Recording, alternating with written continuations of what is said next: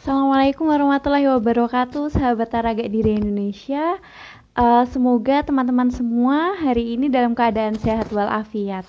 Oke, hari ini tuh kita menarik sekali nih. Kita bakal membahas tentang uh, membasuh ketidaknyamanan dalam ruang penerimaan. Emangnya ada apa sih dengan ketidaknyamanan dan ruang penerimaan kayak gitu? Kayaknya ada kesenjangan atau uh, saling berkaitan atau kayak gimana ya? Kita bakal bahas bareng sama Mbak Yola. Assalamualaikum. Halo, assalamualaikum. Waalaikumsalam, Mbak Arta.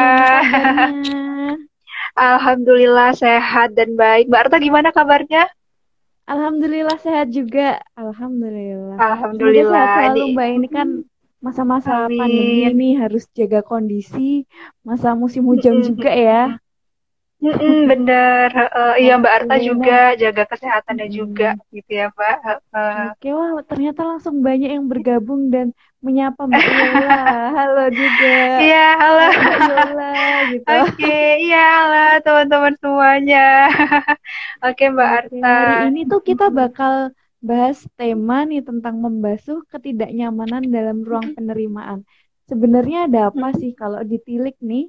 Uh, akhir-akhir okay. ini tuh banyak banget fenomena orang-orang yang mengalami kecemasan, banyak sekali orang-orang yang uh, mengalami depresi, bahkan ada yang sampai bunuh diri. Sebenarnya uh, kenapa sih kok hal seperti itu tuh bisa terjadi gitu, Mbak? Kalau menurut sudut pandangnya Mbak Yola nih gimana sih? Oke Mbak Arta, uh, sebelumnya mungkin saya sebelum kita bahas lebih lanjut gitu ya Mbak Arta ya, mungkin saya mau uh, memperkenalkan diri dan menyapa teman-teman dulu untuk malam ini. Uh, Assalamualaikum warahmatullahi wabarakatuh. Selamat malam teman-teman semua. Uh, sebelumnya perkenalkan saya Yola. Nah, jadi di sini uh, saya mungkin aktivitas uh, sehari-harinya juga alhamdulillah dipercaya sebagai uh, orang yang memberi pelayanan dalam kesehatan mental gitu ya Mbak Arta uh, di iya. beberapa lembaga. Nah, uh, untuk malam ini saya senang sekali bisa hadir dan bertemu dengan Mbak Arta, teman-teman Taraga Diri dan juga teman-teman lainnya nih di luar sana semoga juga had gitu ya Mbak Arta. Nah, Uh, seperti yang tadi disampaikan di apa ya, di kita ingin diskusikan gitu ya Mbak Arta ya. Sebenarnya ada apa nih dengan uh, peruang penerimaan dan juga uh, dengan ketidaknyamanan gitu ya. Dan tadi Mbak Arta juga e, menyinggung tentang rasa cemas, juga ada orang-orang yang mengalami depresi hingga sampai tahap mengakhiri hidup gitu ya Mbak Arta ya. Mungkin kalau kita pahami bersama gitu ya Mbak Arta, mungkin kita saling sharing gitu ya karena e, di sini saya e, tidak berniat untuk menggurui gitu ya Mbak Arta ya, tapi kita bisa saling belajar bareng. E, e, nah jadi mungkin uh, kecemasan dan depresi sampai ke tahap bunuh diri gitu ya sampai tahap mengakhiri hidup uh, pasti rasanya sulit sekali gitu ya yang sedang dialami oleh mereka-mereka di luar sana gitu ya mungkin awalnya mereka juga sedang berjuang eh, melawan atau untuk merangkul ketidaknyamanan-ketidaknyamanan yang ada gitu ya Mbak Arta.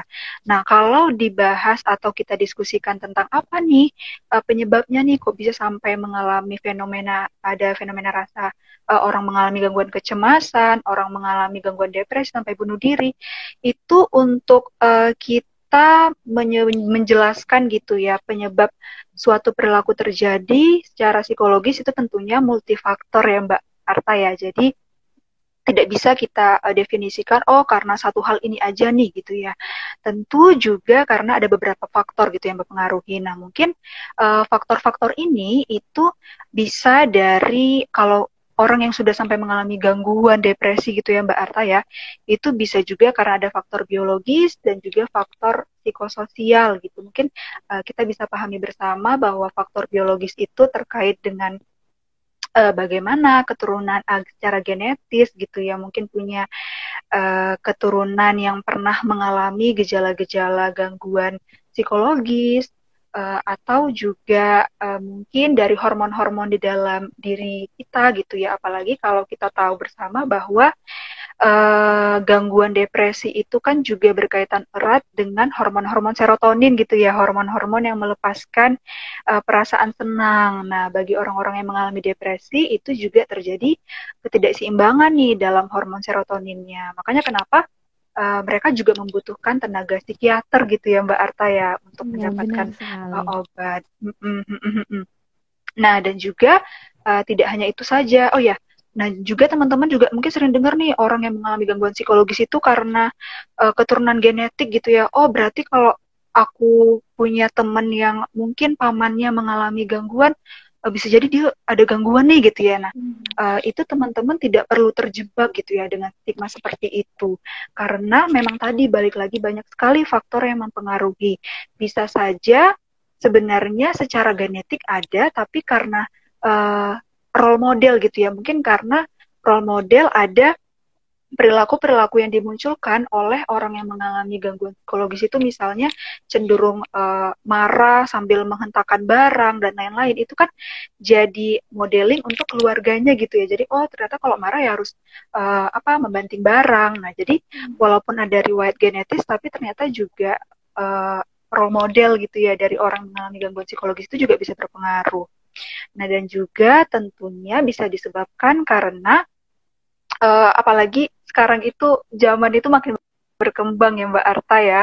Yeah. Uh, jadi banyak kayaknya, uh, benar banyak sekali kita tuntutan-tuntutan yang harus kita penuhi atau kita beradaptasi dengan uh, tuntutan-tuntutan, lalu juga uh, kita di dalam hidup ini rasanya itu hidup itu kok rasanya penuh kompetisi terus nih gitu ya. Kita harus berlomba-lomba terus nih dengan uh, ekspektasi-ekspektasi kita yang harus tercapai.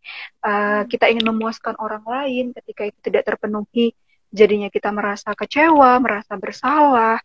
Nah dan juga mungkin karena yang situasi apalagi 2020 gitu ya Mbak Arta pandemi nah itu juga kan mulai kita mulai butuh untuk menyesuaikan diri kita nih dengan uh, ketidakpastian-ketidakpastian yang datang gitu ya apalagi juga ada aktivitas-aktivitas yang mungkin jadinya berkurang yang itu juga menyebabkan kita merasa kita nggak berharga gitu ya Mbak Arta. Nah mungkin hal-hal ini gitu loh yang uh, menyebabkan tadi itu yang akan kita bahas nantinya ya Mbak Arta tentang luka-luka gitu ya. Jadi ada luka-luka ini muncul gitu loh karena kejadian-kejadian memang tidak sesuai dengan harapan kita. Oke, jadi itu, Mbak Arta. Uh, kalau saya tarik nih, ternyata tuh kondisi cemas, depresi, bahkan ada yang hingga mengakhiri hidup.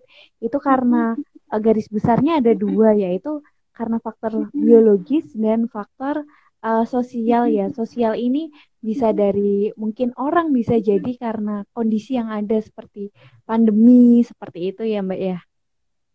Oke, yang itu nanti okay. bisa menyebabkan luka-luka yang nanti bakal kita bahas. iya, betul, uh, Mbak Arta.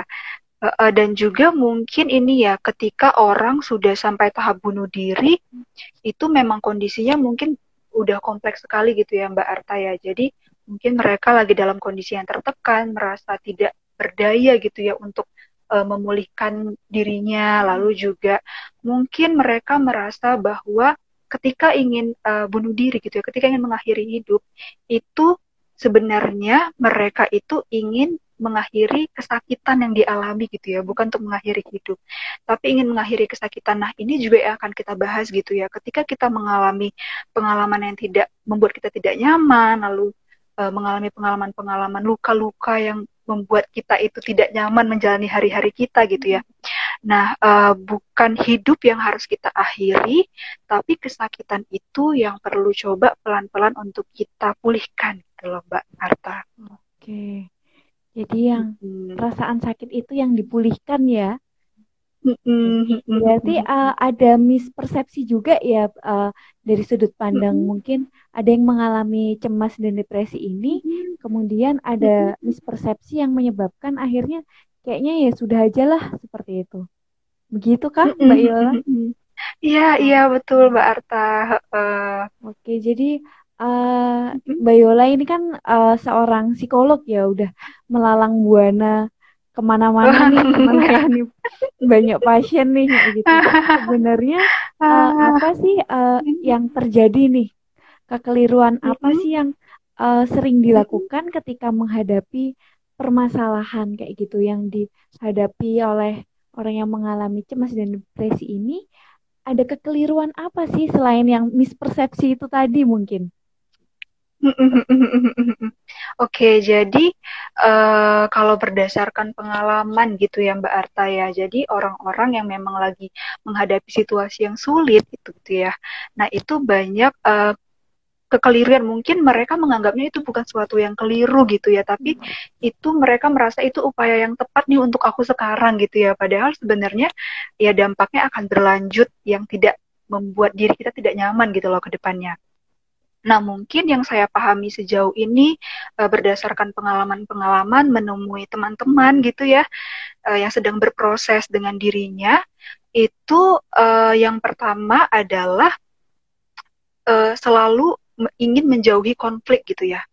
Jadi ketika ada konflik itu ingin segera jauh dari konflik. Oke, aku nggak mau. Atau mungkin karena sekarang itu uh, teknologi semakin berkembang gitu ya Mbak Arta. Jadi kita mungkin selalu pegang gadget atau mungkin uh, banyak sekali media-media yang memadahi kita uh, untuk mengalihkan diri kita gitu ya Mbak Arta ya. Jadi ketika kita ada konflik itu kita cenderung mengalihkannya. Oke, okay, aku mau main handphone bentar deh sambil rebahan nah, kayak gitu kan. Nah, uh, jadi berlarut. Nah sehingga konflik-konflik uh, ini itu jadinya itu menumpuk gitu ya. Nah ketika menumpuk itu kan juga kita jadinya sulit nih melakukan pergerakan.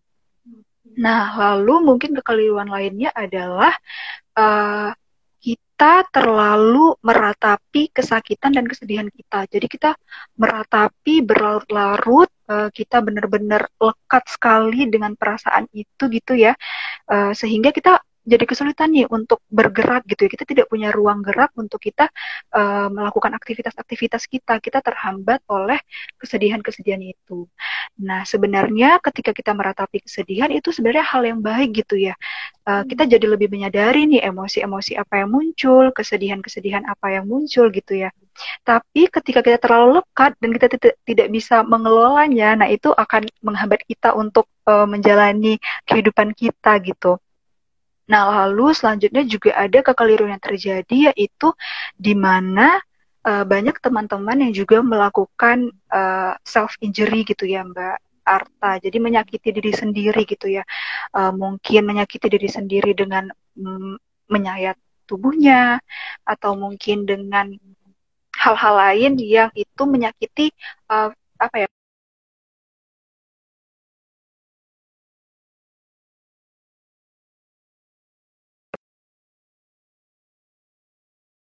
sakit ada yang ada di hati itu uh, ke fisik gitu ya melampiaskan melampiaskan hmm. ke fisik.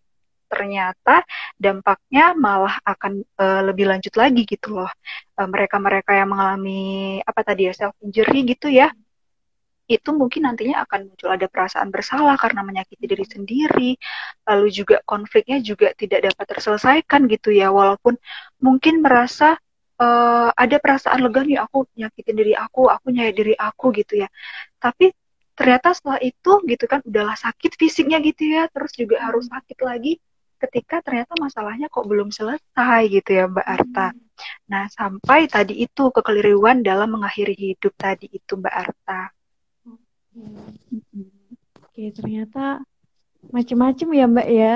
Jadi kalau misalkan yang poin pertama tadi uh, menjauhi konflik atau mengalihkan kan uh, sebenarnya uh, apakah itu boleh sebenarnya tuh boleh nggak sih kita mengalihkan juga gitu atau menjauhi konflik?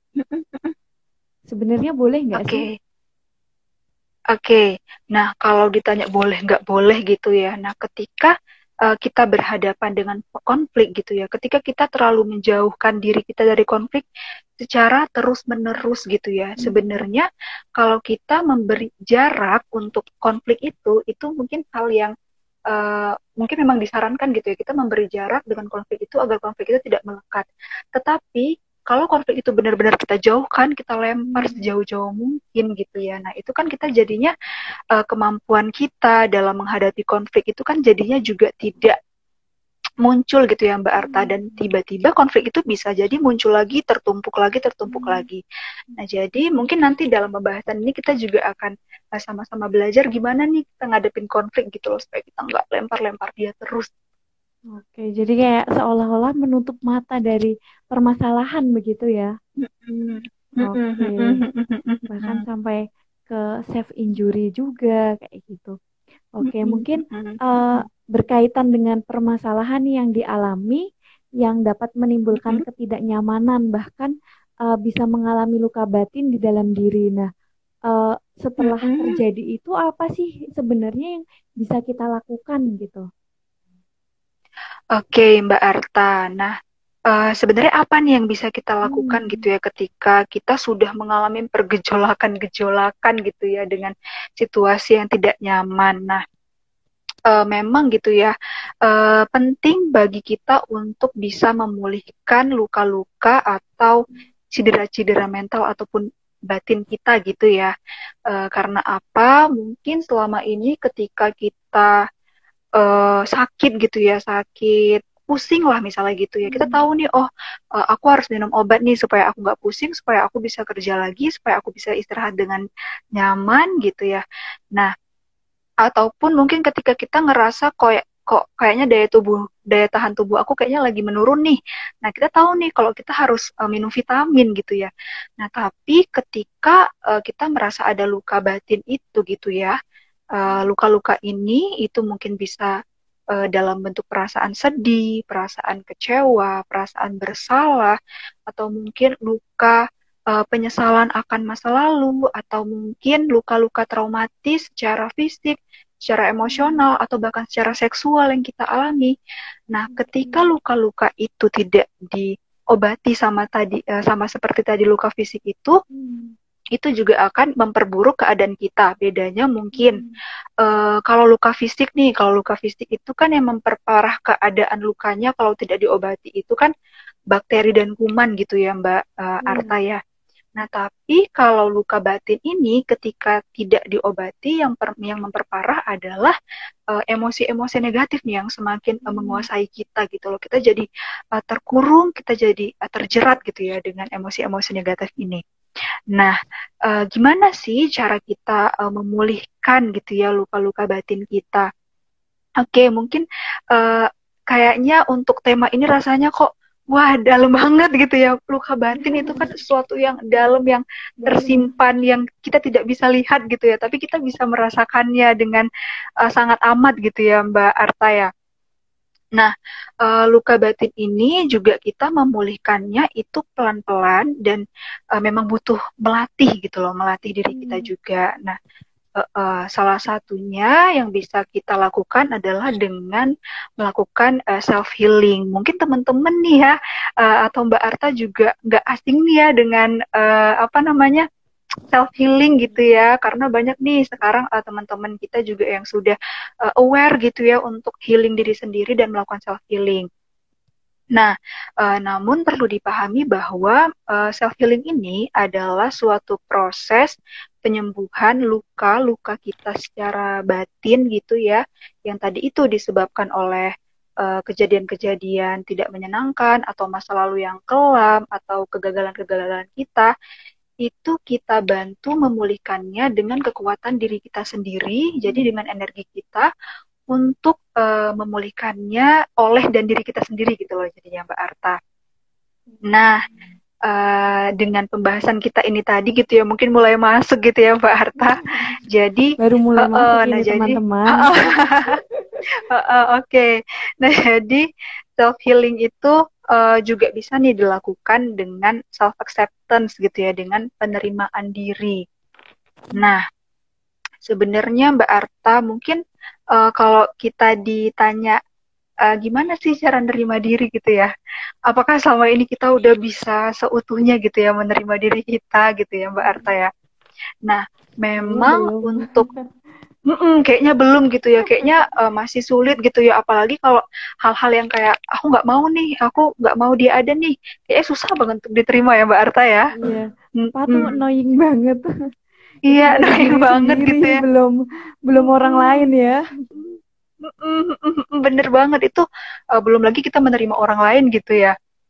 Nah, uh, oke okay, nggak apa-apa, ini kita, saya juga masih belajar gitu ya Mbak Arta ya. Nah, jadi untuk sampai kita tahap uh, sampai pada tahap penerimaan diri gitu ya, sampai pada tahap acceptance gitu ya.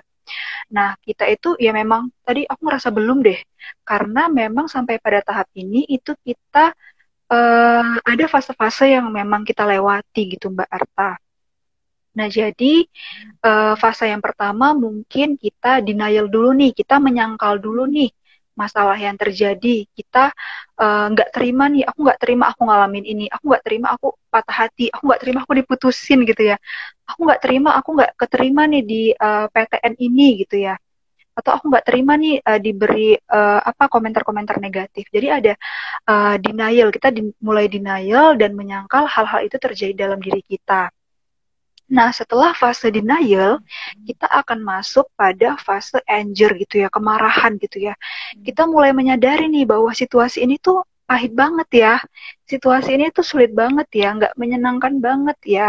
Nah, kita jadinya mulai mencari objek-objek untuk kita melampiaskan kemarahan kita bisa kita lampiaskan kemarahan kita dengan diri sendiri kita tetap kita terus memaki diri sendiri bisa juga kita uh, memaki kondisi memaki orang lain orang sekitar mungkin atau sampai pada tahap kita memarahi Tuhan gitu ya kayak hmm. kenapa sih kok nggak adil banget ya aku ngerasa hidup ini gitu ya nah uh, sampai pada fase kemarahan tadi gitu ya Mbak Arta masih ada fase hmm. lainnya lagi Nah, hmm. kita mulai nih coba untuk uh, bergening gitu ya, kita bernegosiasi gitu ya.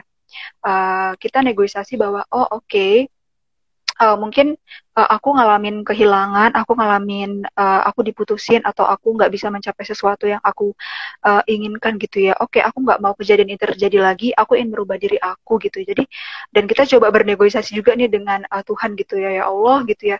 Oke, okay, aku mulai mau memperbaiki diri aku sendiri nih gitu ya Nah, ternyata ketika kita sudah sampai tahap negosiasi gitu ya, kita juga bisa sampai tahap setelah itu adalah fase depression gitu. Kita merasa jatuh lagi gitu loh. Kita udah coba untuk bernegosiasi gitu ya, tapi setelah itu kita merasa tertekan lagi, kita sudah tidak memikirkan lagi gimana caranya untuk bangkit, kita merasa powerless gitu ya, merasa nggak berdaya, Nah, kita ngerasa kita jadinya nggak bisa membuka diri dengan apa pun gitu ya. Nah, ketika kita sampai fase depresi ini, barulah kita bisa menuju ke tahap acceptance gitu ya. Kita mulai bisa menyesuaikan diri bahwa, oh oke, okay, ternyata memang ini ya yang lagi aku alami ya uh, oke okay, nggak apa-apa. Nah itu kita pelan-pelan coba ikhlas gitu ya. Nah tapi memang Mbak Arta setiap uh, fase ini itu juga nggak harus lurus uh, fase denial, eh, apa anger, lalu juga negosiasi sampai ke acceptance gitu.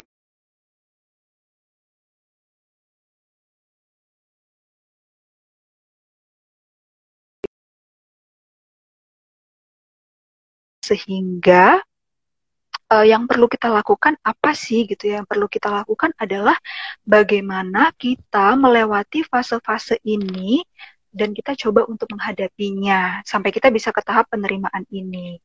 Seperti itu Mbak Arta. Nah, uh, mungkin Mbak Arta juga punya pengalaman banyak nih ya tentang uh, mengalami proses jatuh, bangun lagi, jatuh, bangun lagi gitu ya Mbak Arta ya. Jadi kalau misalkan uh, berdasarkan teori yang ini nih Mbak, kalau berdasarkan teori yang self acceptance dan mengikuti tadi alurnya begitu ya, mungkin uh, ini bisa jadi sebuah teori kan berarti berdasarkan oleh uh, penelitian banyak yeah. orang ya Mbak ya dan benar, uh, jadi benar. sebuah alur tertentu itu berarti mayoritas orang itu seperti itu begitu tahapannya begitu. Nah itu uh, bisa sampai di titik menerima lagi eh dia ada di titik depression lagi berarti bisa dikatakan apakah ini juga depresi itu apa ya kayak uh, dua kali dong kayak gitu? Minimal iya mbak Artana. jadi kehidupan. Oke, okay, minimal dua kali gitu ya. Oke, okay, nah sebenarnya kita tidak, uh, uh, Uh, sebenarnya kita juga nggak bisa menentukan nih kapan uh, perasaan tertekan itu muncul, perasaan tidak berharga itu muncul ya. Bisa jadi sekarang kita ngerasa tertekan, lalu kita sudah pulih gitu ya lalu kita merasa tertekan lagi kita pulih lagi tertekan lagi pulih lagi gitu ya Mbak Arta ya hmm. nah makanya kenapa yang bisa kita lakukan adalah bagaimana kita melalui fase itu dan kita menjalaninya nah mungkin nih sampai ke tahap acceptance itu sendiri itu juga kita perlu memproses dan memang ya ketika kita itu pulih gitu ya Mbak Arta ya itu bukan berarti kita uh, apa ya tidak merasakan sedih lagi kita tidak merasakan hmm. tertekan lagi kita tidak merasakan kecewa lagi gitu ya tapi uh, pulih itu adalah uh, bagaimana perasaan itu tuh sudah tidak intens lagi gitu loh sehingga sudah tidak menghambat kita dalam menjalani aktivitas ke, kita sehari-hari seperti itu. Jadi kita sudah mulai berjarak dengan si emosi-emosi uh, tidak menyenangkan ini. Nah, mungkin pertanyaannya nih, Mbak Yola gitu ya, uh, gimana kalau kita pulihnya nih? Tadi kan kita udah depresi nih. Nah, terus untuk pulihnya gimana nih, Mbak Yola? Tadi kan hmm. bilangnya pakai self healing gitu ya. Nah, uh, eh, self healing dengan penerimaan ini gitu ya. Kenapa menerima gitu ya Mbak Arta. Uh, nah dari beberapa riset dan juga beberapa pengalaman yang saya temui juga, itu ketika uh, kita tidak mampu menerima diri kita, itu akan mempengaruhi well-being kita gitu ya, mempengaruhi kesejahteraan psikologis kita. Sehingga ketika well-being kita itu rendah, kesejahteraan psikologis kita itu rendah gitu ya, kita akan jadi kehilangan uh, apa ya, penurunan uh, harga diri, lalu juga hal itu jadinya menghambat potensi-potensi kita untuk tumbuh seperti itu. Hmm. Nah, kenapa perlu menerima gitu ya? Nah, karena gini, sebenarnya luka-luka tadi itu gitu ya yang muncul dalam hidup kita itu kan karena adanya uh, apa ya? penolakan karena adanya kita tidak terima ketika sesuatu yang kita inginkan dalam hidup itu ternyata tidak sesuai dengan harapan kita. Kita nggak mau ngalamin kejadian traumatis, kita nggak mau hmm. ngalamin kegagalan. Kita maunya mencapai sesuatu yang uh, hal itu baik untuk kita gitu ya. Nah, ketika itu tidak mampu tercapai, ketika itu terjadi, itu kan uh, tidak sesuai gitu ya dengan kondisi hidup yang kita harapkan ya Mbak Arta. Hmm. Nah, hal-hal inilah yang akan menyebabkan luka-luka uh, batin kita itu. Nah, kenapa menerima gitu ya? Nah, jadi kita pelan-pelan coba untuk menerima bahwa oh oke okay, gitu ya dalam hidup itu uh, tidak selamanya kok uh, kita mengalami fase nyebelin terus atau fase tidak menyenangkan terus dan sebaliknya dalam hidup itu kita tidak harus selamanya mengalami pengalaman menyenangkan terus gitu ya Mbak Arta ya kalau uh, ibarat siang malam gitu kan nggak mungkin siang terus gitu ya hmm. nggak hmm. mungkin malam terus gitu ya atau hmm uh, cuaca gitu kita nggak mungkin hujan terus atau panas terus pasti akan berganti. Nah sebenarnya sama dengan hal ini gitu ya ketika kita menjalani proses kehidupan kita uh, akan ada datang nih si sedih, si takut, si khawatir, si kecewa, si marah gitu ya. Mereka datang, terus ada juga datang nih si semangat, si antusias, si perasaan cinta mungkin atau si kebahagiaan gitu ya. Itu akan berdatangan secara bergantian juga. Nah, yang perlu kita lakukan adalah bagaimana kita bisa menyambut mereka, kita menyambut mereka dengan kebaikan hati, dengan penerimaan. Kita tidak membedakan gitu ya ketika si senang datang, ah silakan datang gitu ya. Bahkan kalau ada bentuknya pengen kita angkat-angkat karena jingkrak-jingkrak karena senang gitu ya. Tapi ketika kesedihan ini datang, ketika kecewaan dan luka ini datang, kita rasanya stop berhenti di depan pintu aja ya, hmm. nggak usah masuk ya gitu ya. Nah padahal sebenarnya sama tadi, uh, mereka datang itu uh, untuk singgah dulu, mungkin untuk memberikan kita uh, pelajaran hidup untuk kita hmm. tumbuh gitu ya. Uh, apa setelah itu mereka pasti akan lepas gitu ya. Nah yang perlu kita lakukan tadi itu kita mencoba untuk menerima. Nah sampai pada tahap menerima itu makanya kenapa memang perjalanan pemulihan batin setiap orang itu beda-beda karena itu kondisi hmm. personal orang masing-masing itu beda-beda gitu ya Mbak Arta ya. Hmm. Nah, sehingga kenapa memang ada caranya, memang ada latihannya gitu ya. Nah, yang pertama itu adalah kita coba untuk menyadari dulu, kita memberi kesadaran gitu ya, kita menyadari akan situasi-situasi yang memang lagi kita hadapi nih oh uh, aku sadar nih aku lagi ngerasa drop banget nih. Atau mungkin ah gimana nih kasusnya kok belum dapet? gitu ya Mbak Arta ya. Atau yeah, mungkin yeah. Uh, subjek uh, subjek untuk kasus praktiknya belum dapet atau mungkin belum susah ditemui mm -mm, kayak gitu ya. Nah kita coba sadari apa apa perasaan-perasaan yang muncul. Mungkin kita merasa cemas khawatir gitu ya. Atau kita merasa sedih kita cukup sadari dulu gitu. Tidak perlu kita untuk uh, menolaknya dulu gitu ya. Nggak perlu terburu-buru nih untuk menolaknya atau melepaskannya gitu ya. Hmm. Cukup kita sadari dulu pelan-pelan. Oh oke, okay, memang ini lagi uh, ada si cemas ya. Oh oke, okay, memang ini aku lagi ngerasa sedih ya gitu kan. Nah, setelah kita menyadari, kita coba pelan-pelan untuk mengakui iya gitu loh. Jadi kita akui bahwa oh oke, okay, ternyata memang dia mau masuk ya kehidupan aku. Memang aku lagi uh, ngalamin situasi yang berat banget ya sekarang ya. Kita akui bahwa ya itulah kita uh, tidak sempurna dan kita juga pasti melakukan kesalahan. Kita juga hmm. menghadapi situasi-situasi sulit gitu ya. Kita coba akui dia, lalu pelan-pelan kita coba untuk terima Nah, uh, konsep penerimaan ini mungkin rasanya tuh abstrak banget gitu ya Mbak Arta. Menerima itu sampai di tahap mana sih sebenarnya Mbak Yola gitu ya? Iya, nah, nggak paham kita, juga nih gimana Mbak. Iya, nah jadi uh, penerimaan itu adalah bagaimana kita bisa menerima apa pun secara utuh dengan penuh uh, kebaikan akan suatu hal yang terjadi dalam hidup kita baik itu uh, rasa sulit atau rasa uh, menyenangkan atau mungkin kelebihan dan kekurangan diri kita kita tahu nih kelebihan kita apa kita tahu kekurangan kita apa dan kita terima itu semua tanpa ada membedakan gitu ya tanpa ada tadi itu. Kalau si yang baik-baik maunya di uh, nilainya oke-oke aja nih diterima-terima aja. Tapi kalau si yang nggak enak nggak enak gitu ya kita nilainya buruk. Nah jadi kita menerima tanpa kita menilai sebelah pihak gitu ya. Kita hmm. menilai mereka ya secara adil gitu loh. Nah, uh, jadi itu tadi kita menyadari dulu, lalu kita mengakui, lalu kita coba pelan-pelan untuk menerima. Nah, untuk proses penerimaan ini sendiri, Mbak Arta, itu ibaratnya seperti ini. Uh, sesuai dengan tema kita gitu ya, mungkin membasuh hmm. ketidaknyamanan gitu ya. Ketidaknyamanan itu hmm. mungkin berkaitan dengan luka-luka tadi itu ya, Mbak Arta ya. Nah, di dalam ruang luka-luka batin di, di dalam ruang penerimaan gitu ya. Jadi uh, mungkin karena konsep penerimaan itu sifatnya abstrak gitu ya, sulit hmm. untuk dipahami, mungkin saya coba untuk analogikan gitu ya Mbak Arta ya. Oke. Okay. Nah jadi itu Mbak.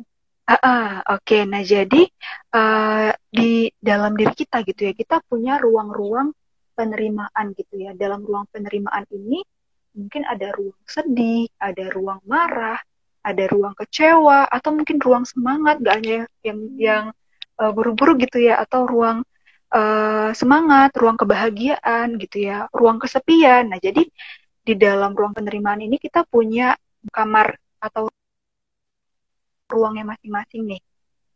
Nah, ketika kita uh, merasa sedih, ya nggak apa-apa, coba kita tuangkan, coba kita lepaskan di ruang si sedih ini. Kita tempatkan hmm. dia di tempat yang terbaik gitu ya. Di ruang si sedih memang gitu ya. Nah ketika kita bahagia ya kita tempatkan dia di ruang yang bahagia gitu ya. Nah lalu boleh kok kita uh, sekali-sekali gitu ya menengok. Jadi kan itu di dalam ruangan gitu ya. Boleh kok sekali-sekali kita buka pintunya kita lihat oh ternyata aku mengalami kesedihan ya. Hmm. tapi kan hmm kita uh, coba untuk bergerak dan berjalan kita tidak di dalam satu ruang itu terus gitu ya. Hmm. Jadi kita melangkah pelan-pelan, uh, kita tutup lagi pintunya, tapi kan ruang itu tetap ada gitu loh Mbak Arta. Hmm. Kita boleh tetap ada, tetap bisa melihat lagi, menengok lagi gitu ya. Nah, uh, mungkin gitu ya, nggak banyak dari kita yang mau untuk menengok kesedihan atau menengok melihat kekecewaan di dalam diri gitu ya. Kita cenderung ingin melihatnya yang senang-senang aja gitu. Nah, nggak apa-apa kok di ruang-ruang penerimaan itu kita coba lihat lagi, uh, kita sapa mungkin. Nah, tapi kita sudah tidak terikat, sudah tidak masuk terjerumus dalam ruang itu terus gitu Mbak Arta.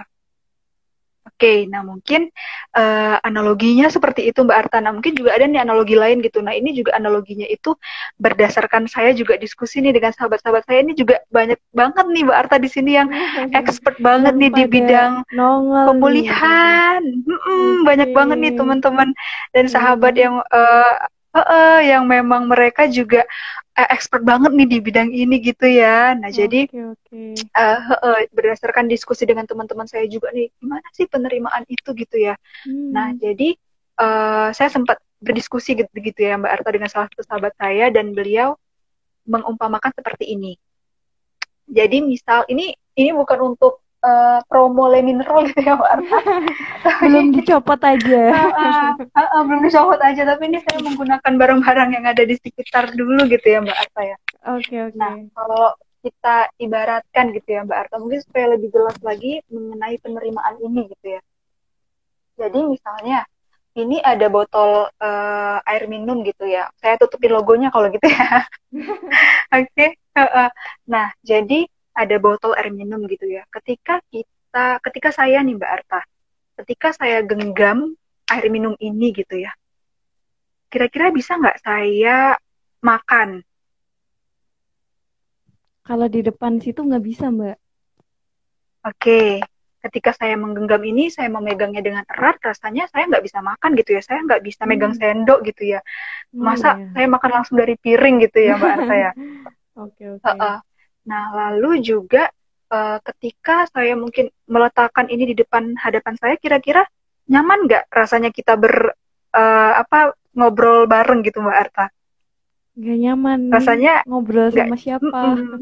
Mm -mm, ini ngobrol sama siapa nih uh, sama foto ngobrolnya ya Mbak Arta ya. Oke, okay. nah jadi uh, itu seperti itu. Jadi uh, rasanya terhambat. Saya pun juga nggak bisa melihat Mbak Arta dengan jelas gitu ya ketika botol ini ada di hadapan saya gitu ya. Mm-hmm. Nah tapi ketika saya coba untuk letakkan botol ini di samping saya, kira-kira saya bisa makan atau saya bisa chattingan atau saya bisa mengerjakan pekerjaan saya nggak dengan kayak gini? Bisa banget. Oke, bisa banget gitu ya. Hmm. Saya juga lebih enak nih ngobrol dengan Mbak Arta. Nah, mungkin uh, jadi seperti itu juga sebenarnya uh, apa ya permasalahan-permasalahan yang kita hadapi Mbak Arta. Hmm. Jadi uh, ketika kita terlalu menggenggamnya gitu ya, ketika kita terlalu erat dengan dia, perasaan itu terlalu intens dengan kita, kita jadi sulit untuk melakukan aktivitas-aktivitas kita. Kita jadi sulit nih untuk bergerak, uh, bahkan berkomunikasi pun rasanya nggak nyaman banget gitu ya. Mungkin Mbak Arta merasa tidak dihargai jadinya gitu ya. Jadinya iya, benar, hubungan, mm -mm, jadinya hubungan dengan orang lain pun terhambat. Nah, tetapi ketika uh, saya meletakkan botol ini di samping saya, dia tetap ada kan ya Mbak Arta. Dia nggak tiba-tiba hilang tring gitu ya. Dia tetap hmm. ada di samping saya uh, saya bisa melihatnya, saya juga bisa sekali-sekali megang dia gitu ya. Hmm. Nah, tapi hmm. udah nggak saya genggam dengan kuat lagi. Nah, sama seperti hmm. itu. Ketika kita mulai merasa sakit, terluka, kecewa gitu ya, kita coba tempatkan dia memang di tempat yang terbaik sehingga kita masih bisa melakukan aktivitas-aktivitas gitu loh. Hmm. Dia tidak hilang, kita tidak berusaha untuk menghilangkannya, uh, membuangnya gitu ya. Dia tetap ada, tapi kita tetap bisa melanjutkan uh, aktivitas kita. Nah, jadi mungkin seperti itu penerimaan konsep penerimaan, Mbak Arta. Berarti penerimaan ini itu eh, nggak uh, serta merta hilang begitu saja ya, Mbak. Tapi sebenarnya uh, masih bisa dirasakan. Ketika ya kadang-kadang kita bisa lihat itu terus tiba-tiba terenyuh misalkan kayak gitu. Tiba-tiba kok sedihnya kerasa ya kayak gitu tapi ya ya sudah bisa melakukan aktivitas keseharian seperti biasanya begitu ya. Jadi okay. makanya kenapa oh, wajar banget kok sedih kalau ngelihat nginget peristiwa dulu mungkin yang menyedihkan, menyakitkan gitu ya. Uh, karena itu menunjukkan bahwa kita menyadari perasaan yang memang lagi muncul di diri kita gitu ya. Oh, Oke okay, sedih banget ya dulu aku pernah ngalamin ini gitu ya. Tapi hmm. uh, pelan-pelan bagaimana nih kita bijaksana menyikapinya supaya kita tidak terlalu terlarut terus dalam situasi itu seperti itu Mbak Arta. Oke, saya juga jadi ya, membayang-bayangkan yang dulu-dulu. Oke. berarti memang rasanya tuh seperti itu gitu. Oke, masih bisa, mungkin masih terbayang, masih ingat sedihnya kayak gimana, mungkin marahnya kayak gimana, tapi hmm. sudah bisa melakukan aktivitas sehari-hari. Nah, mungkin kalau teman-teman nih uh, sudah sampai di titik manakah teman-teman yeah. bisa menerima diri sendiri? Oke nih, kemudian uh, ada nggak sih Mbak pengalaman dari Mbak Yolan nih kayak gitu terkait dengan cemas atau depresi uh, apa ya yang berkaitan tentang menyimpan luka batin nih gitu. Oke, ini pengalaman dari saya sendiri gitu ya Mbak Arta ya.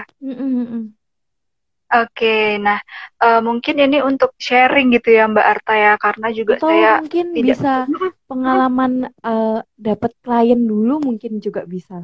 Oh oke okay, oke okay, ya oke. Okay. Nah jadi dapat klien yang mengalami depresi atau cemas gitu ya mungkin Mbak Arta ya. Oke, okay, nah uh, jadi memang uh, ada beberapa klien gitu ya yang memang dalam kondisi mengalami depresi berat gitu ya Mbak Arta ya. Nah, depresi ini sendiri atau mungkin kecemasan atau gangguan kecemasan gitu ya. Nah, mungkin ini saya uh, pilih salah satu dulu untuk dibahas gitu karena mungkin supaya nanti waktunya cukup gitu ya Mbak Arta. Okay. Nah, jadi klien yang mengalami uh, klien yang mengalami gangguan depresi. Nah, depresi itu yang kita tahu itu kan uh, bukan hanya sekedar kita merasa sedih, bukan hanya kita sekedar merasa uh, putus asa gitu ya. Tapi depresi ini tuh jauh lebih dalam dari itu. Di mana orang-orang yang memang mengalami depresi itu, mereka benar-benar sulit untuk bergerak, mereka mengalami kesedihan itu uh, hampir sepanjang hari dan juga mungkin lebih dari dua minggu, bahkan berbulan-bulan, bahkan bertahun-tahun gitu ya. Nah, dan juga klien uh, yang saya temui gitu ya, memang mereka ketika mengalami uh, depresi ini, itu mereka benar-benar uh, merasa diri mereka tidak berharga gitu loh. Mereka karena mereka merasa tidak berharga, mereka jadinya merasa tidak berdaya nih untuk bangkit gitu ya. Karena aku kan nggak berharga. Jadi istilahnya itu self loathing gitu ya self loathing itu tuh kita cenderung mengkritik diri sendiri wah aku tuh nggak berdaya aku tuh nggak pantas buat dapetin hal-hal yang baik aku tuh pantasnya ya buat dapetin hal-hal yang ya ya udah yang aku ya mungkin yang nggak enak nggak enak aja gitu ya. Nah jadi uh, merasa diri tidak uh, berharga lalu juga uh, tidak hanya sedih dan tidak hanya merasa tidak berharga tetapi orang-orang depresi yang memang saya temui ini juga sampai pada tahap mereka itu jadinya uh, minat dalam melakukan aktivitas sehari-harinya itu cenderung menurun gitu ya Mbak Arta. Jadi mungkin uh, yang sebelumnya mereka sangat minat gitu untuk melakukan aktivitas itu jadinya sama sekali nggak senang lagi nih ngelakuinnya. Misalnya dulu itu mereka uh, senang nih untuk uh, apa ya melakukan uh, misalnya buat jurnal gitu ya, membuat uh, jurnal tentang perasaan dan lain-lain. Nah itu mereka jadi udah nggak senang lagi atau mungkin mereka senang uh, melakukan hobi-hobinya. Nah, ini orang depresi ini mereka jadinya kehilangan minat dan mereka juga kehilangan energi. Energi dari dalam tubuh sehingga merasa mudah lelah ketika melakukan aktivitas-aktivitas yang sederhana dan bahkan memang juga mempengaruhi pada uh, aspek kognitif gitu ya. Jadi kemampuan berpikirnya menurun sehingga dalam pengambilan keputusan pun itu juga jadinya berdampak jadinya menurun.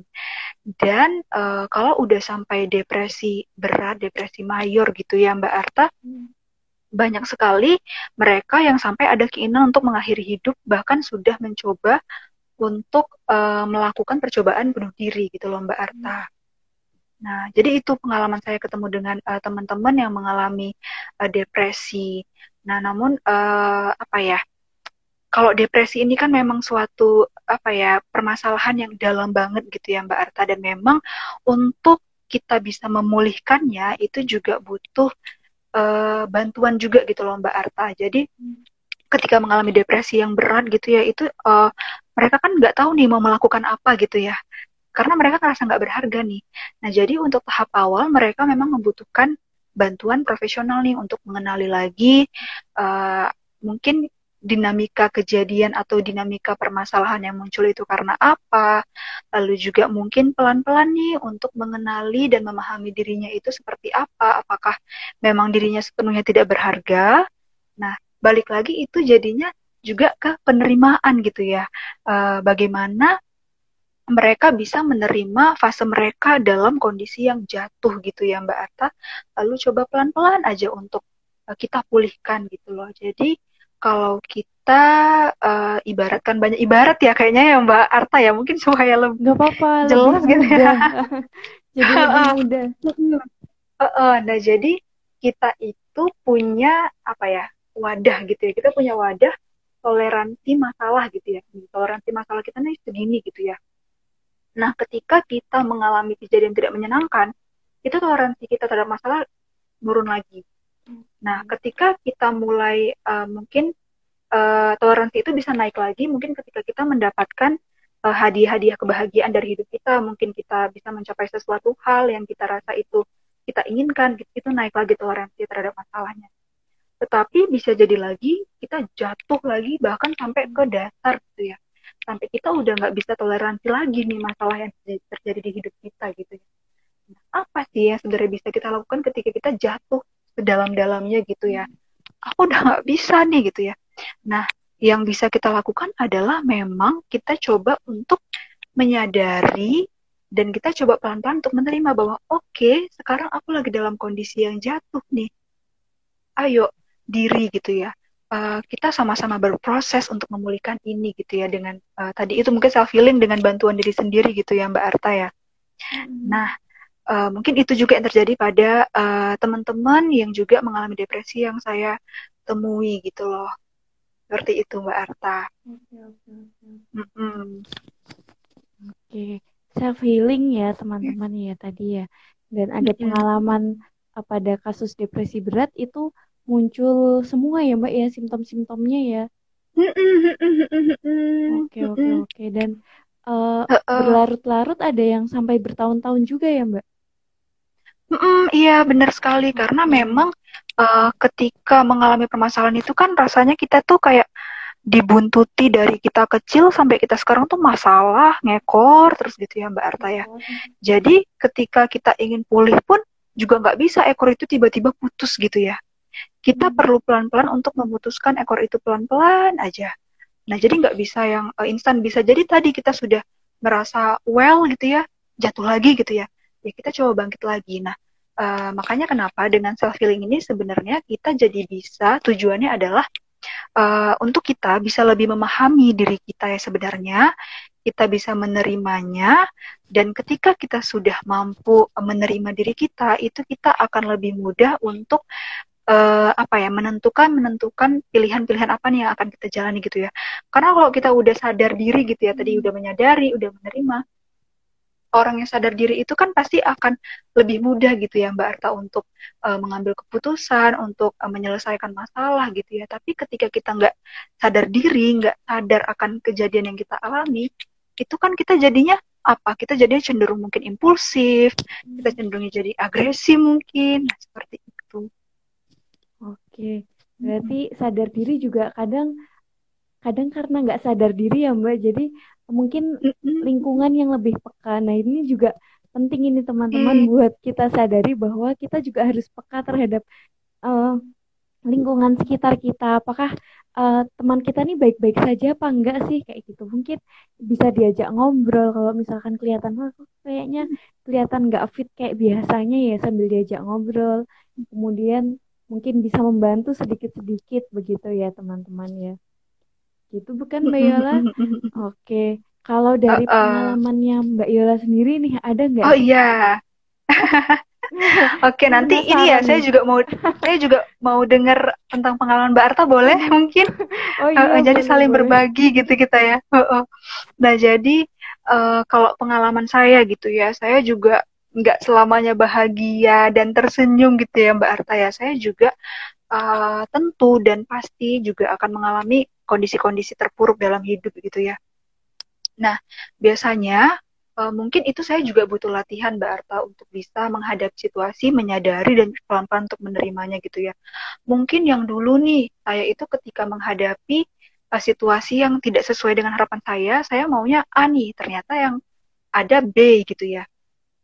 Nah itu saya benar-benar sampai reaksi fisik saya muncul, saya jadi deg-degan gitu ya, saya jadi hmm. uh, pusing, bahkan saya rasa ingin berteriak gitu ya Mbak Arta ya. Hmm. Nah tapi pelan-pelan gitu ya uh, dalam perjalanan hidup saya, proses hidup saya gitu ya, saya pelan-pelan untuk coba untuk menyadari dan memaknai sebenarnya ketika ya tadi itu sedih datang ya memang ternyata dia butuh untuk didengarkan dulu ya si sedih ini hmm. nggak selamanya kok ternyata dulu aku mengalami kondisi terpuruk itu oh bukti sekarang aku bisa ketawa bisa bahagia ternyata nggak selamanya ya nah jadi hmm. ketika saya menghadapi kondisi yang benar-benar saya merasa sedih kecewa campur aduk gitu ya mungkin juga sekarang umur saya 25 tahun. Jadi mulai apa ya uh, masuk nih fase-fase krisis nih gimana memikirkan masa depan gitu ya khawatir masa depan dan lain-lain gitu ya. Nah uh, saya biasanya gitu ya Mbak Arta memang uh, memilih untuk uh, diri saya dulu sendiri nih. Jadi saya uh, coba dengan diri saya sendiri dulu untuk uh, oke okay, aku sadar nih aku sekarang lagi sedih banget nih oke okay, aku coba pelan-pelan akuin nih apa nih yang uh, kenapa nih aku ngalamin sedih kayak gini gitu ya. Pelan-pelan kita akui dan kita terima lalu kita coba pelan-pelan untuk melepaskannya. Dan dalam proses saya dengan diri saya sendiri itu ya saya melakukan sesuatu yang bisa juga melepaskan saya. Mungkin saya dengan menangis gitu ya. Saya ngobrol dengan diri saya ya saya mencoba untuk menikmati gitu loh proses fase uh, fase titik bawah saya gitu ya uh, karena saya tahu nih ini nggak bakal selamanya kok. Ini aku bakal mungkin sekarang aku lagi nggak baik-baik aja nih. Tapi ya suatu saat nanti aku akan baik-baik lagi dan nggak baik-baik lagi baik-baik lagi gitu ya. Ya aku harus hadapi ini gitu loh. Nah alhamdulillah juga uh, saya bisa berproses uh, dengan hal itu. Dan juga saya melakukan tadi itu self healing nah self healing ini memang perlu dilatih ya Mbak Arta. Jadi uh, dengan kita coba untuk sadarin aja nafas kita gitu ya. Nafas kita yang uh, masuk, nafas kita yang keluar gitu ya, itu uh, untuk melatih kita bagaimana menguatkan otot-otot kesadaran kita nih bahwa kita lagi ada di masa sekarang nih gitu nih. Aku nggak ada di masa depan kok gitu. Khawatiran-khawatiran aku yang muncul itu uh, kan di masa depan nih. Nah, aku sekarang lagi di masa sekarang nih. Nah, jadi kita coba untuk menyadari nafas aja dulu. Nah, pelan-pelan barulah kita coba untuk menyadari nih pikiran dan perasaan kita yang muncul Nah, barulah kita bisa coba pelan-pelan untuk berjarak dengan perasaan sedih ini. Jadi, dia tidak melekat lagi, tapi bagaimana kita, ini si perasaan sedih, ini kita gitu loh. Tetap hmm. ada gitu loh. Tapi kita sudah tidak melekat lagi dengan dia. Pelan-pelan coba untuk jadi itu uh, apa ya saya butuh hening dulu gitu loh mbak Ata jadi uh, mungkin teman-teman juga bisa coba lakukan ya dengan cara teman-teman gitu ya senyamannya uh, mungkin uh, bisa mencari posisi hening dulu gitu, ketenangan dulu. Mungkin bisa dengan duduk dulu gitu sambil menarik nafas yang masuk ke dalam. Disadarin aja nafas yang masuk, nggak perlu nggak perlu ah, nafas aku kayak terengah-engah ya. Nggak apa-apa coba pelan-pelan disadarin aja gitu ya nafasnya. Nah, mungkin ketika kita bernafas itu muncul tuh pikiran-pikiran, wah, kamu tuh ini uh, gagal, kamu tuh ini, kamu tuh ini. Nggak apa-apa ketika pikiran itu muncul, hmm. coba kembali lagi sadari nafas kita gitu ya. Jadi uh, menyadari apa yang terjadi uh, pada kita saat ini dan kini gitu loh Mbak Arta. Nah, okay. mungkin seperti itu mungkin uh, berarti tadi jadi panjang ya kayaknya. Stepnya menyadari dan menerima ya Mbak ya. Kalau menyadari tadi uh, dari uh, permulaannya dari nafas misalkan kayak gitu ya. Nafas mm -hmm. terus nanti mungkin emosi-emosi muncul. Kemudian beri apa ya? Muhasabah ya sebenarnya ya. Uh, hening itu tuh mirip muhasabah ya mbak ya. Terus uh, diberi iya, jarak ya, lalu diterima begitu ya. Kita pelan-pelan menerima bahwa pelan-pelan untuk terima dan nggak uh, dicekal terus juga gitu ya. Kita pelan-pelan untuk melepasinnya gitu loh. Pelan-pelan untuk melepaskan dia supaya kita bisa bergerak lagi nih untuk fase-fase kehidupan kita selanjutnya. Seperti itu Mbak Arta. Oke. Okay. Biasanya pas lagi ngapain Mbak kalau melakukan self healing nih? Oke, okay. nah memang tadi ya yang tadi saya sampaikan ke Mbak Arta dan juga teman-teman di sini dan ini juga untuk diri saya sendiri juga ya Mbak Arta ya. Nah jadi memang self healing ini tadi itu ya butuh latihan gitu ya. E, makanya kenapa kenapa kita harus menerima penerimaan pun kita juga butuh latihan gitu loh. Kita butuh untuk melatih diri kita dalam memulihkan luka-luka kita gitu loh. Nah, teman-teman bisa kok menyediakan waktu mungkin uh, awal-awal lima menit dulu gitu ya hmm. atau uh, mungkin nanti besoknya oke okay, 6 menit, besoknya 7 menit dalam uh, setiap hari mungkin dilakukannya bisa sebelum tidur atau mungkin setelah bangun tidur. Nah, pelan-pelan coba uh, untuk kita menyadari dulu nih, menyadari oh oke, okay. jadi ketika kita melatih itu terus gitu ya, kita akan mulai uh, apa ya, menyadari perasaan-perasaan yang memang lagi muncul, yang lagi hadir, kita tidak menolaknya, kita menerimanya uh, dengan penuh kebaikan hati tanpa ngejudge gitu ya. Ketika si sedih datang, ya nggak apa-apa. datang gitu loh ya udah aku nggak ngejudge dia buruk gitu ya nah tapi hmm. yang apa-apa datanglah gitu kita coba untuk sadari dengan tadi itu mungkin di posisi yang dulu kita coba untuk sadari nafas yang masuk uh, nafas yang keluar seperti itu mbak Arta Oke berarti hmm, oke okay. uh, menyediakan waktu khusus gitu ya mbak ya bisa dilakukan seperti itu Oke, kalau Mbak Arta sendiri gimana nih dalam menghadapi mungkin pergulatan-pergulatan emosi yang muncul? Pergulatan-pergulatan emosi. Hmm, uh, melihat balik lagi ke belakang nih Mbak ternyata. Luka batin ada di belakang ya Mbak ya. Itu okay, okay. Uh, dari dari yang tadi uh, teori yang disampaikan nih dari self acceptance itu memang uh, alurnya kalau di saya begitu ketika dulu pernah kena depresi gitu. Itu semuanya okay. muncul dan apa namanya dan alurnya seperti itu sama persis seperti itu. Terus mungkin yang bisa uh, saya sharing itu uh, ada hal-hal yang ternyata saya kena psikosomatis kayak gitu. Karena dulu itu kan terjadi sudah uh, zaman sekolah ya jadi nggak tahu ya masih masih anak sekolah tidak tahu itu apa. Jadi akhirnya lambungnya kena jadi sering mah kayak gitu. Terus uh, sesak itu biasanya begitu ya kalau depresi ada sesaknya kayak gitu. Terus sampai pada akhirnya itu saya kena vertigo pernah sampai sebulan. Nggak sembuh sembuh dan itu baru setelah uh, mendingan ya kadang-kadang muncul tapi nggak separah itu kayak gitu. Jadi memang ternyata ada sampai ke psikosomatisnya kayak gitu. Akhirnya bisa mulai okay. menerima menerima sedikit demi sedikit. Masya Allah. berat ternyata ya. Jadi teman-teman selamat Pasti, berjuang. uh, iya oke. Okay. dari kisah Mbak Arta rasanya nggak mudah banget gitu ya Mbak Arta melewati fase-fase itu ya. Tapi ya, uh, alhamdulillah sekarang kondisinya sudah Jauh lebih, lebih gimana mungkin bisa menerima alhamdulillah, alhamdulillah. Memang Alhamdulillah. Sampai saya tuh pernah bertanya-tanya sebenarnya ikhlas tuh apa sih kayak gitu. Kayaknya ikhlas hmm. tuh sangat sulit untuk didefinisikan kayak gitu. gitu. Saking tidak tahu yeah. makna hidup ya pada saat itu. Gimana nggak mendapatkan apa pun kayak gitu. Ya itu contoh real dari pengalaman kayak gitu. Memang mungkin okay. setiap orang beda-beda ya. Bener Mbak Arta. Iya, Mbak Arta pun juga mungkin berjuang ya untuk menghadapi uh, fase-fase hidup yang mungkin dirasa sulit sekali gitu ya Mbak Arta mm-hmm. ya. Sampai mempertanyakan ikhlas itu apa sih? Nah, gitu ya Mbak Arta ya. Jadi uh, titik itu teman-teman.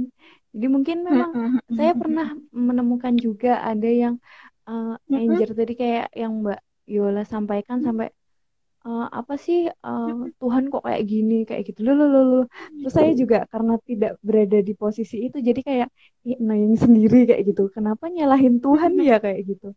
Padahal ini kan berjalan memang uh, ada pelajaran kehidupan di situ di dalam betul betul.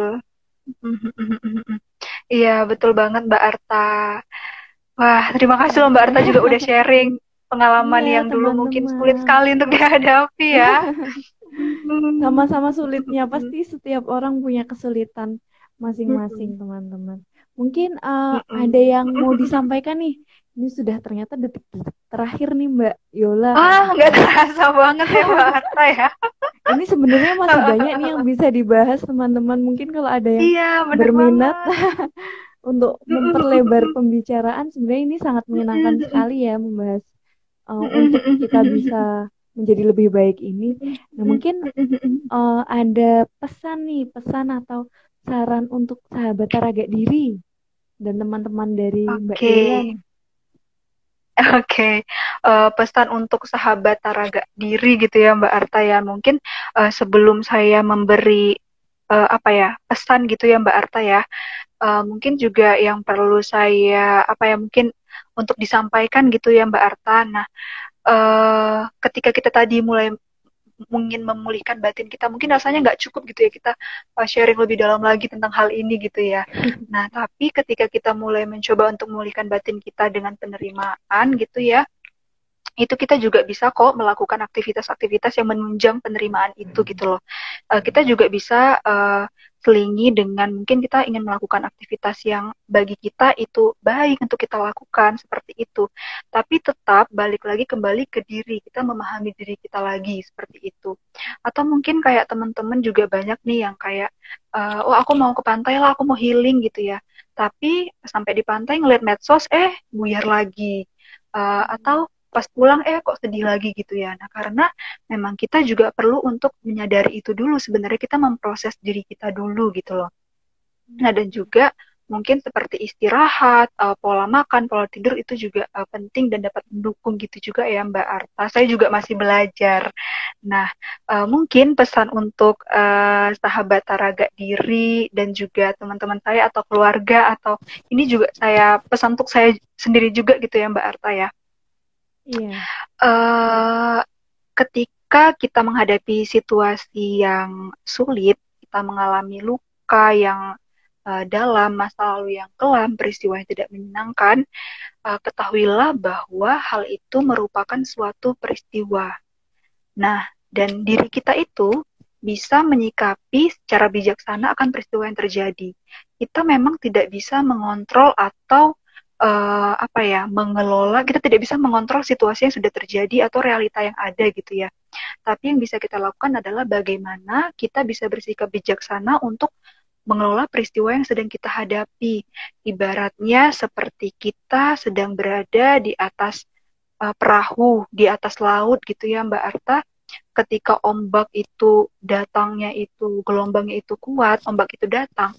Nah kita kan tidak bisa ya mengendalikan ombak itu tapi yang kita bisa kendalikan adalah bagaimana kita mengendalikan perahu kita agar kita bisa tetap bertahan. Nah, dan juga percayalah bahwa setiap diri kita itu punya kekuatan untuk menyembuhkan diri kita sendiri gitu loh karena kita e, bertanggung jawab akan diri kita sendiri kita punya kendali akan diri kita sendiri kita mengizinkan diri kita sendiri untuk pulih e, jadi ketika ada luka nggak apa-apa kita pelan-pelan coba untuk uh, obati luka itu Mbak Arta. Nah, mungkin seperti itu. Luar biasa Mbak Arta. seperti Oke, luar biasa sekali ini Mbak ini closing statementnya. Jadi teman-teman jangan lupa untuk kita itu bisa mengontrol diri sendiri dengan cara yang bijak, teman-teman. Gitu. Terima kasih banyak Mbak Yola sudah mau Iya, sama-sama Mbak Arta. Sahabat ini waktunya uh, luar biasa sekali. Mungkin nanti kapan-kapan kita bisa ngobrol bareng ya. Ya. Uh, dengan bisa banget. Oke.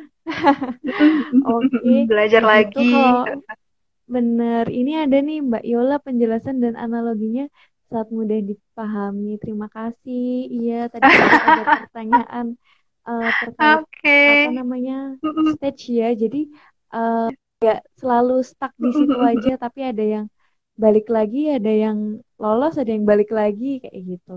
Sudah dijawab juga. terima kasih Mbak Yola ini uh, sangat iya, bermanfaat sekali.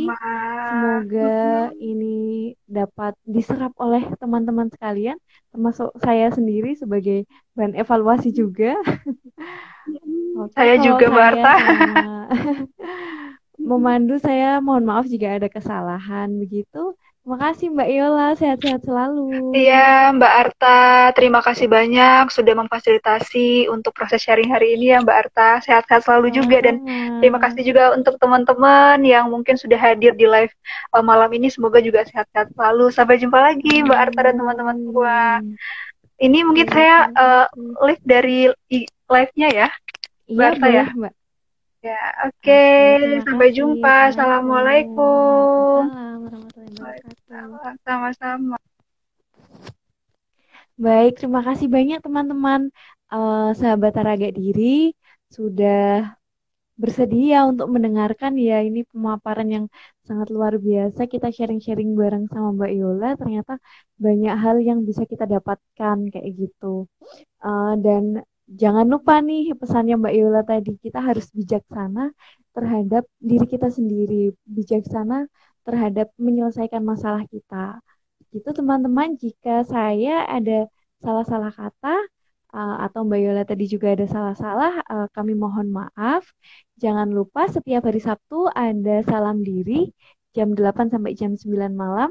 Ikuti terus salam diri di Taraga Diri uh, live IG ya teman-teman atau kalau misalkan teman-teman pengen dengerin aja nih kita ada di Spotify juga. Itu ya teman-teman terima kasih semuanya. Assalamualaikum warahmatullahi wabarakatuh.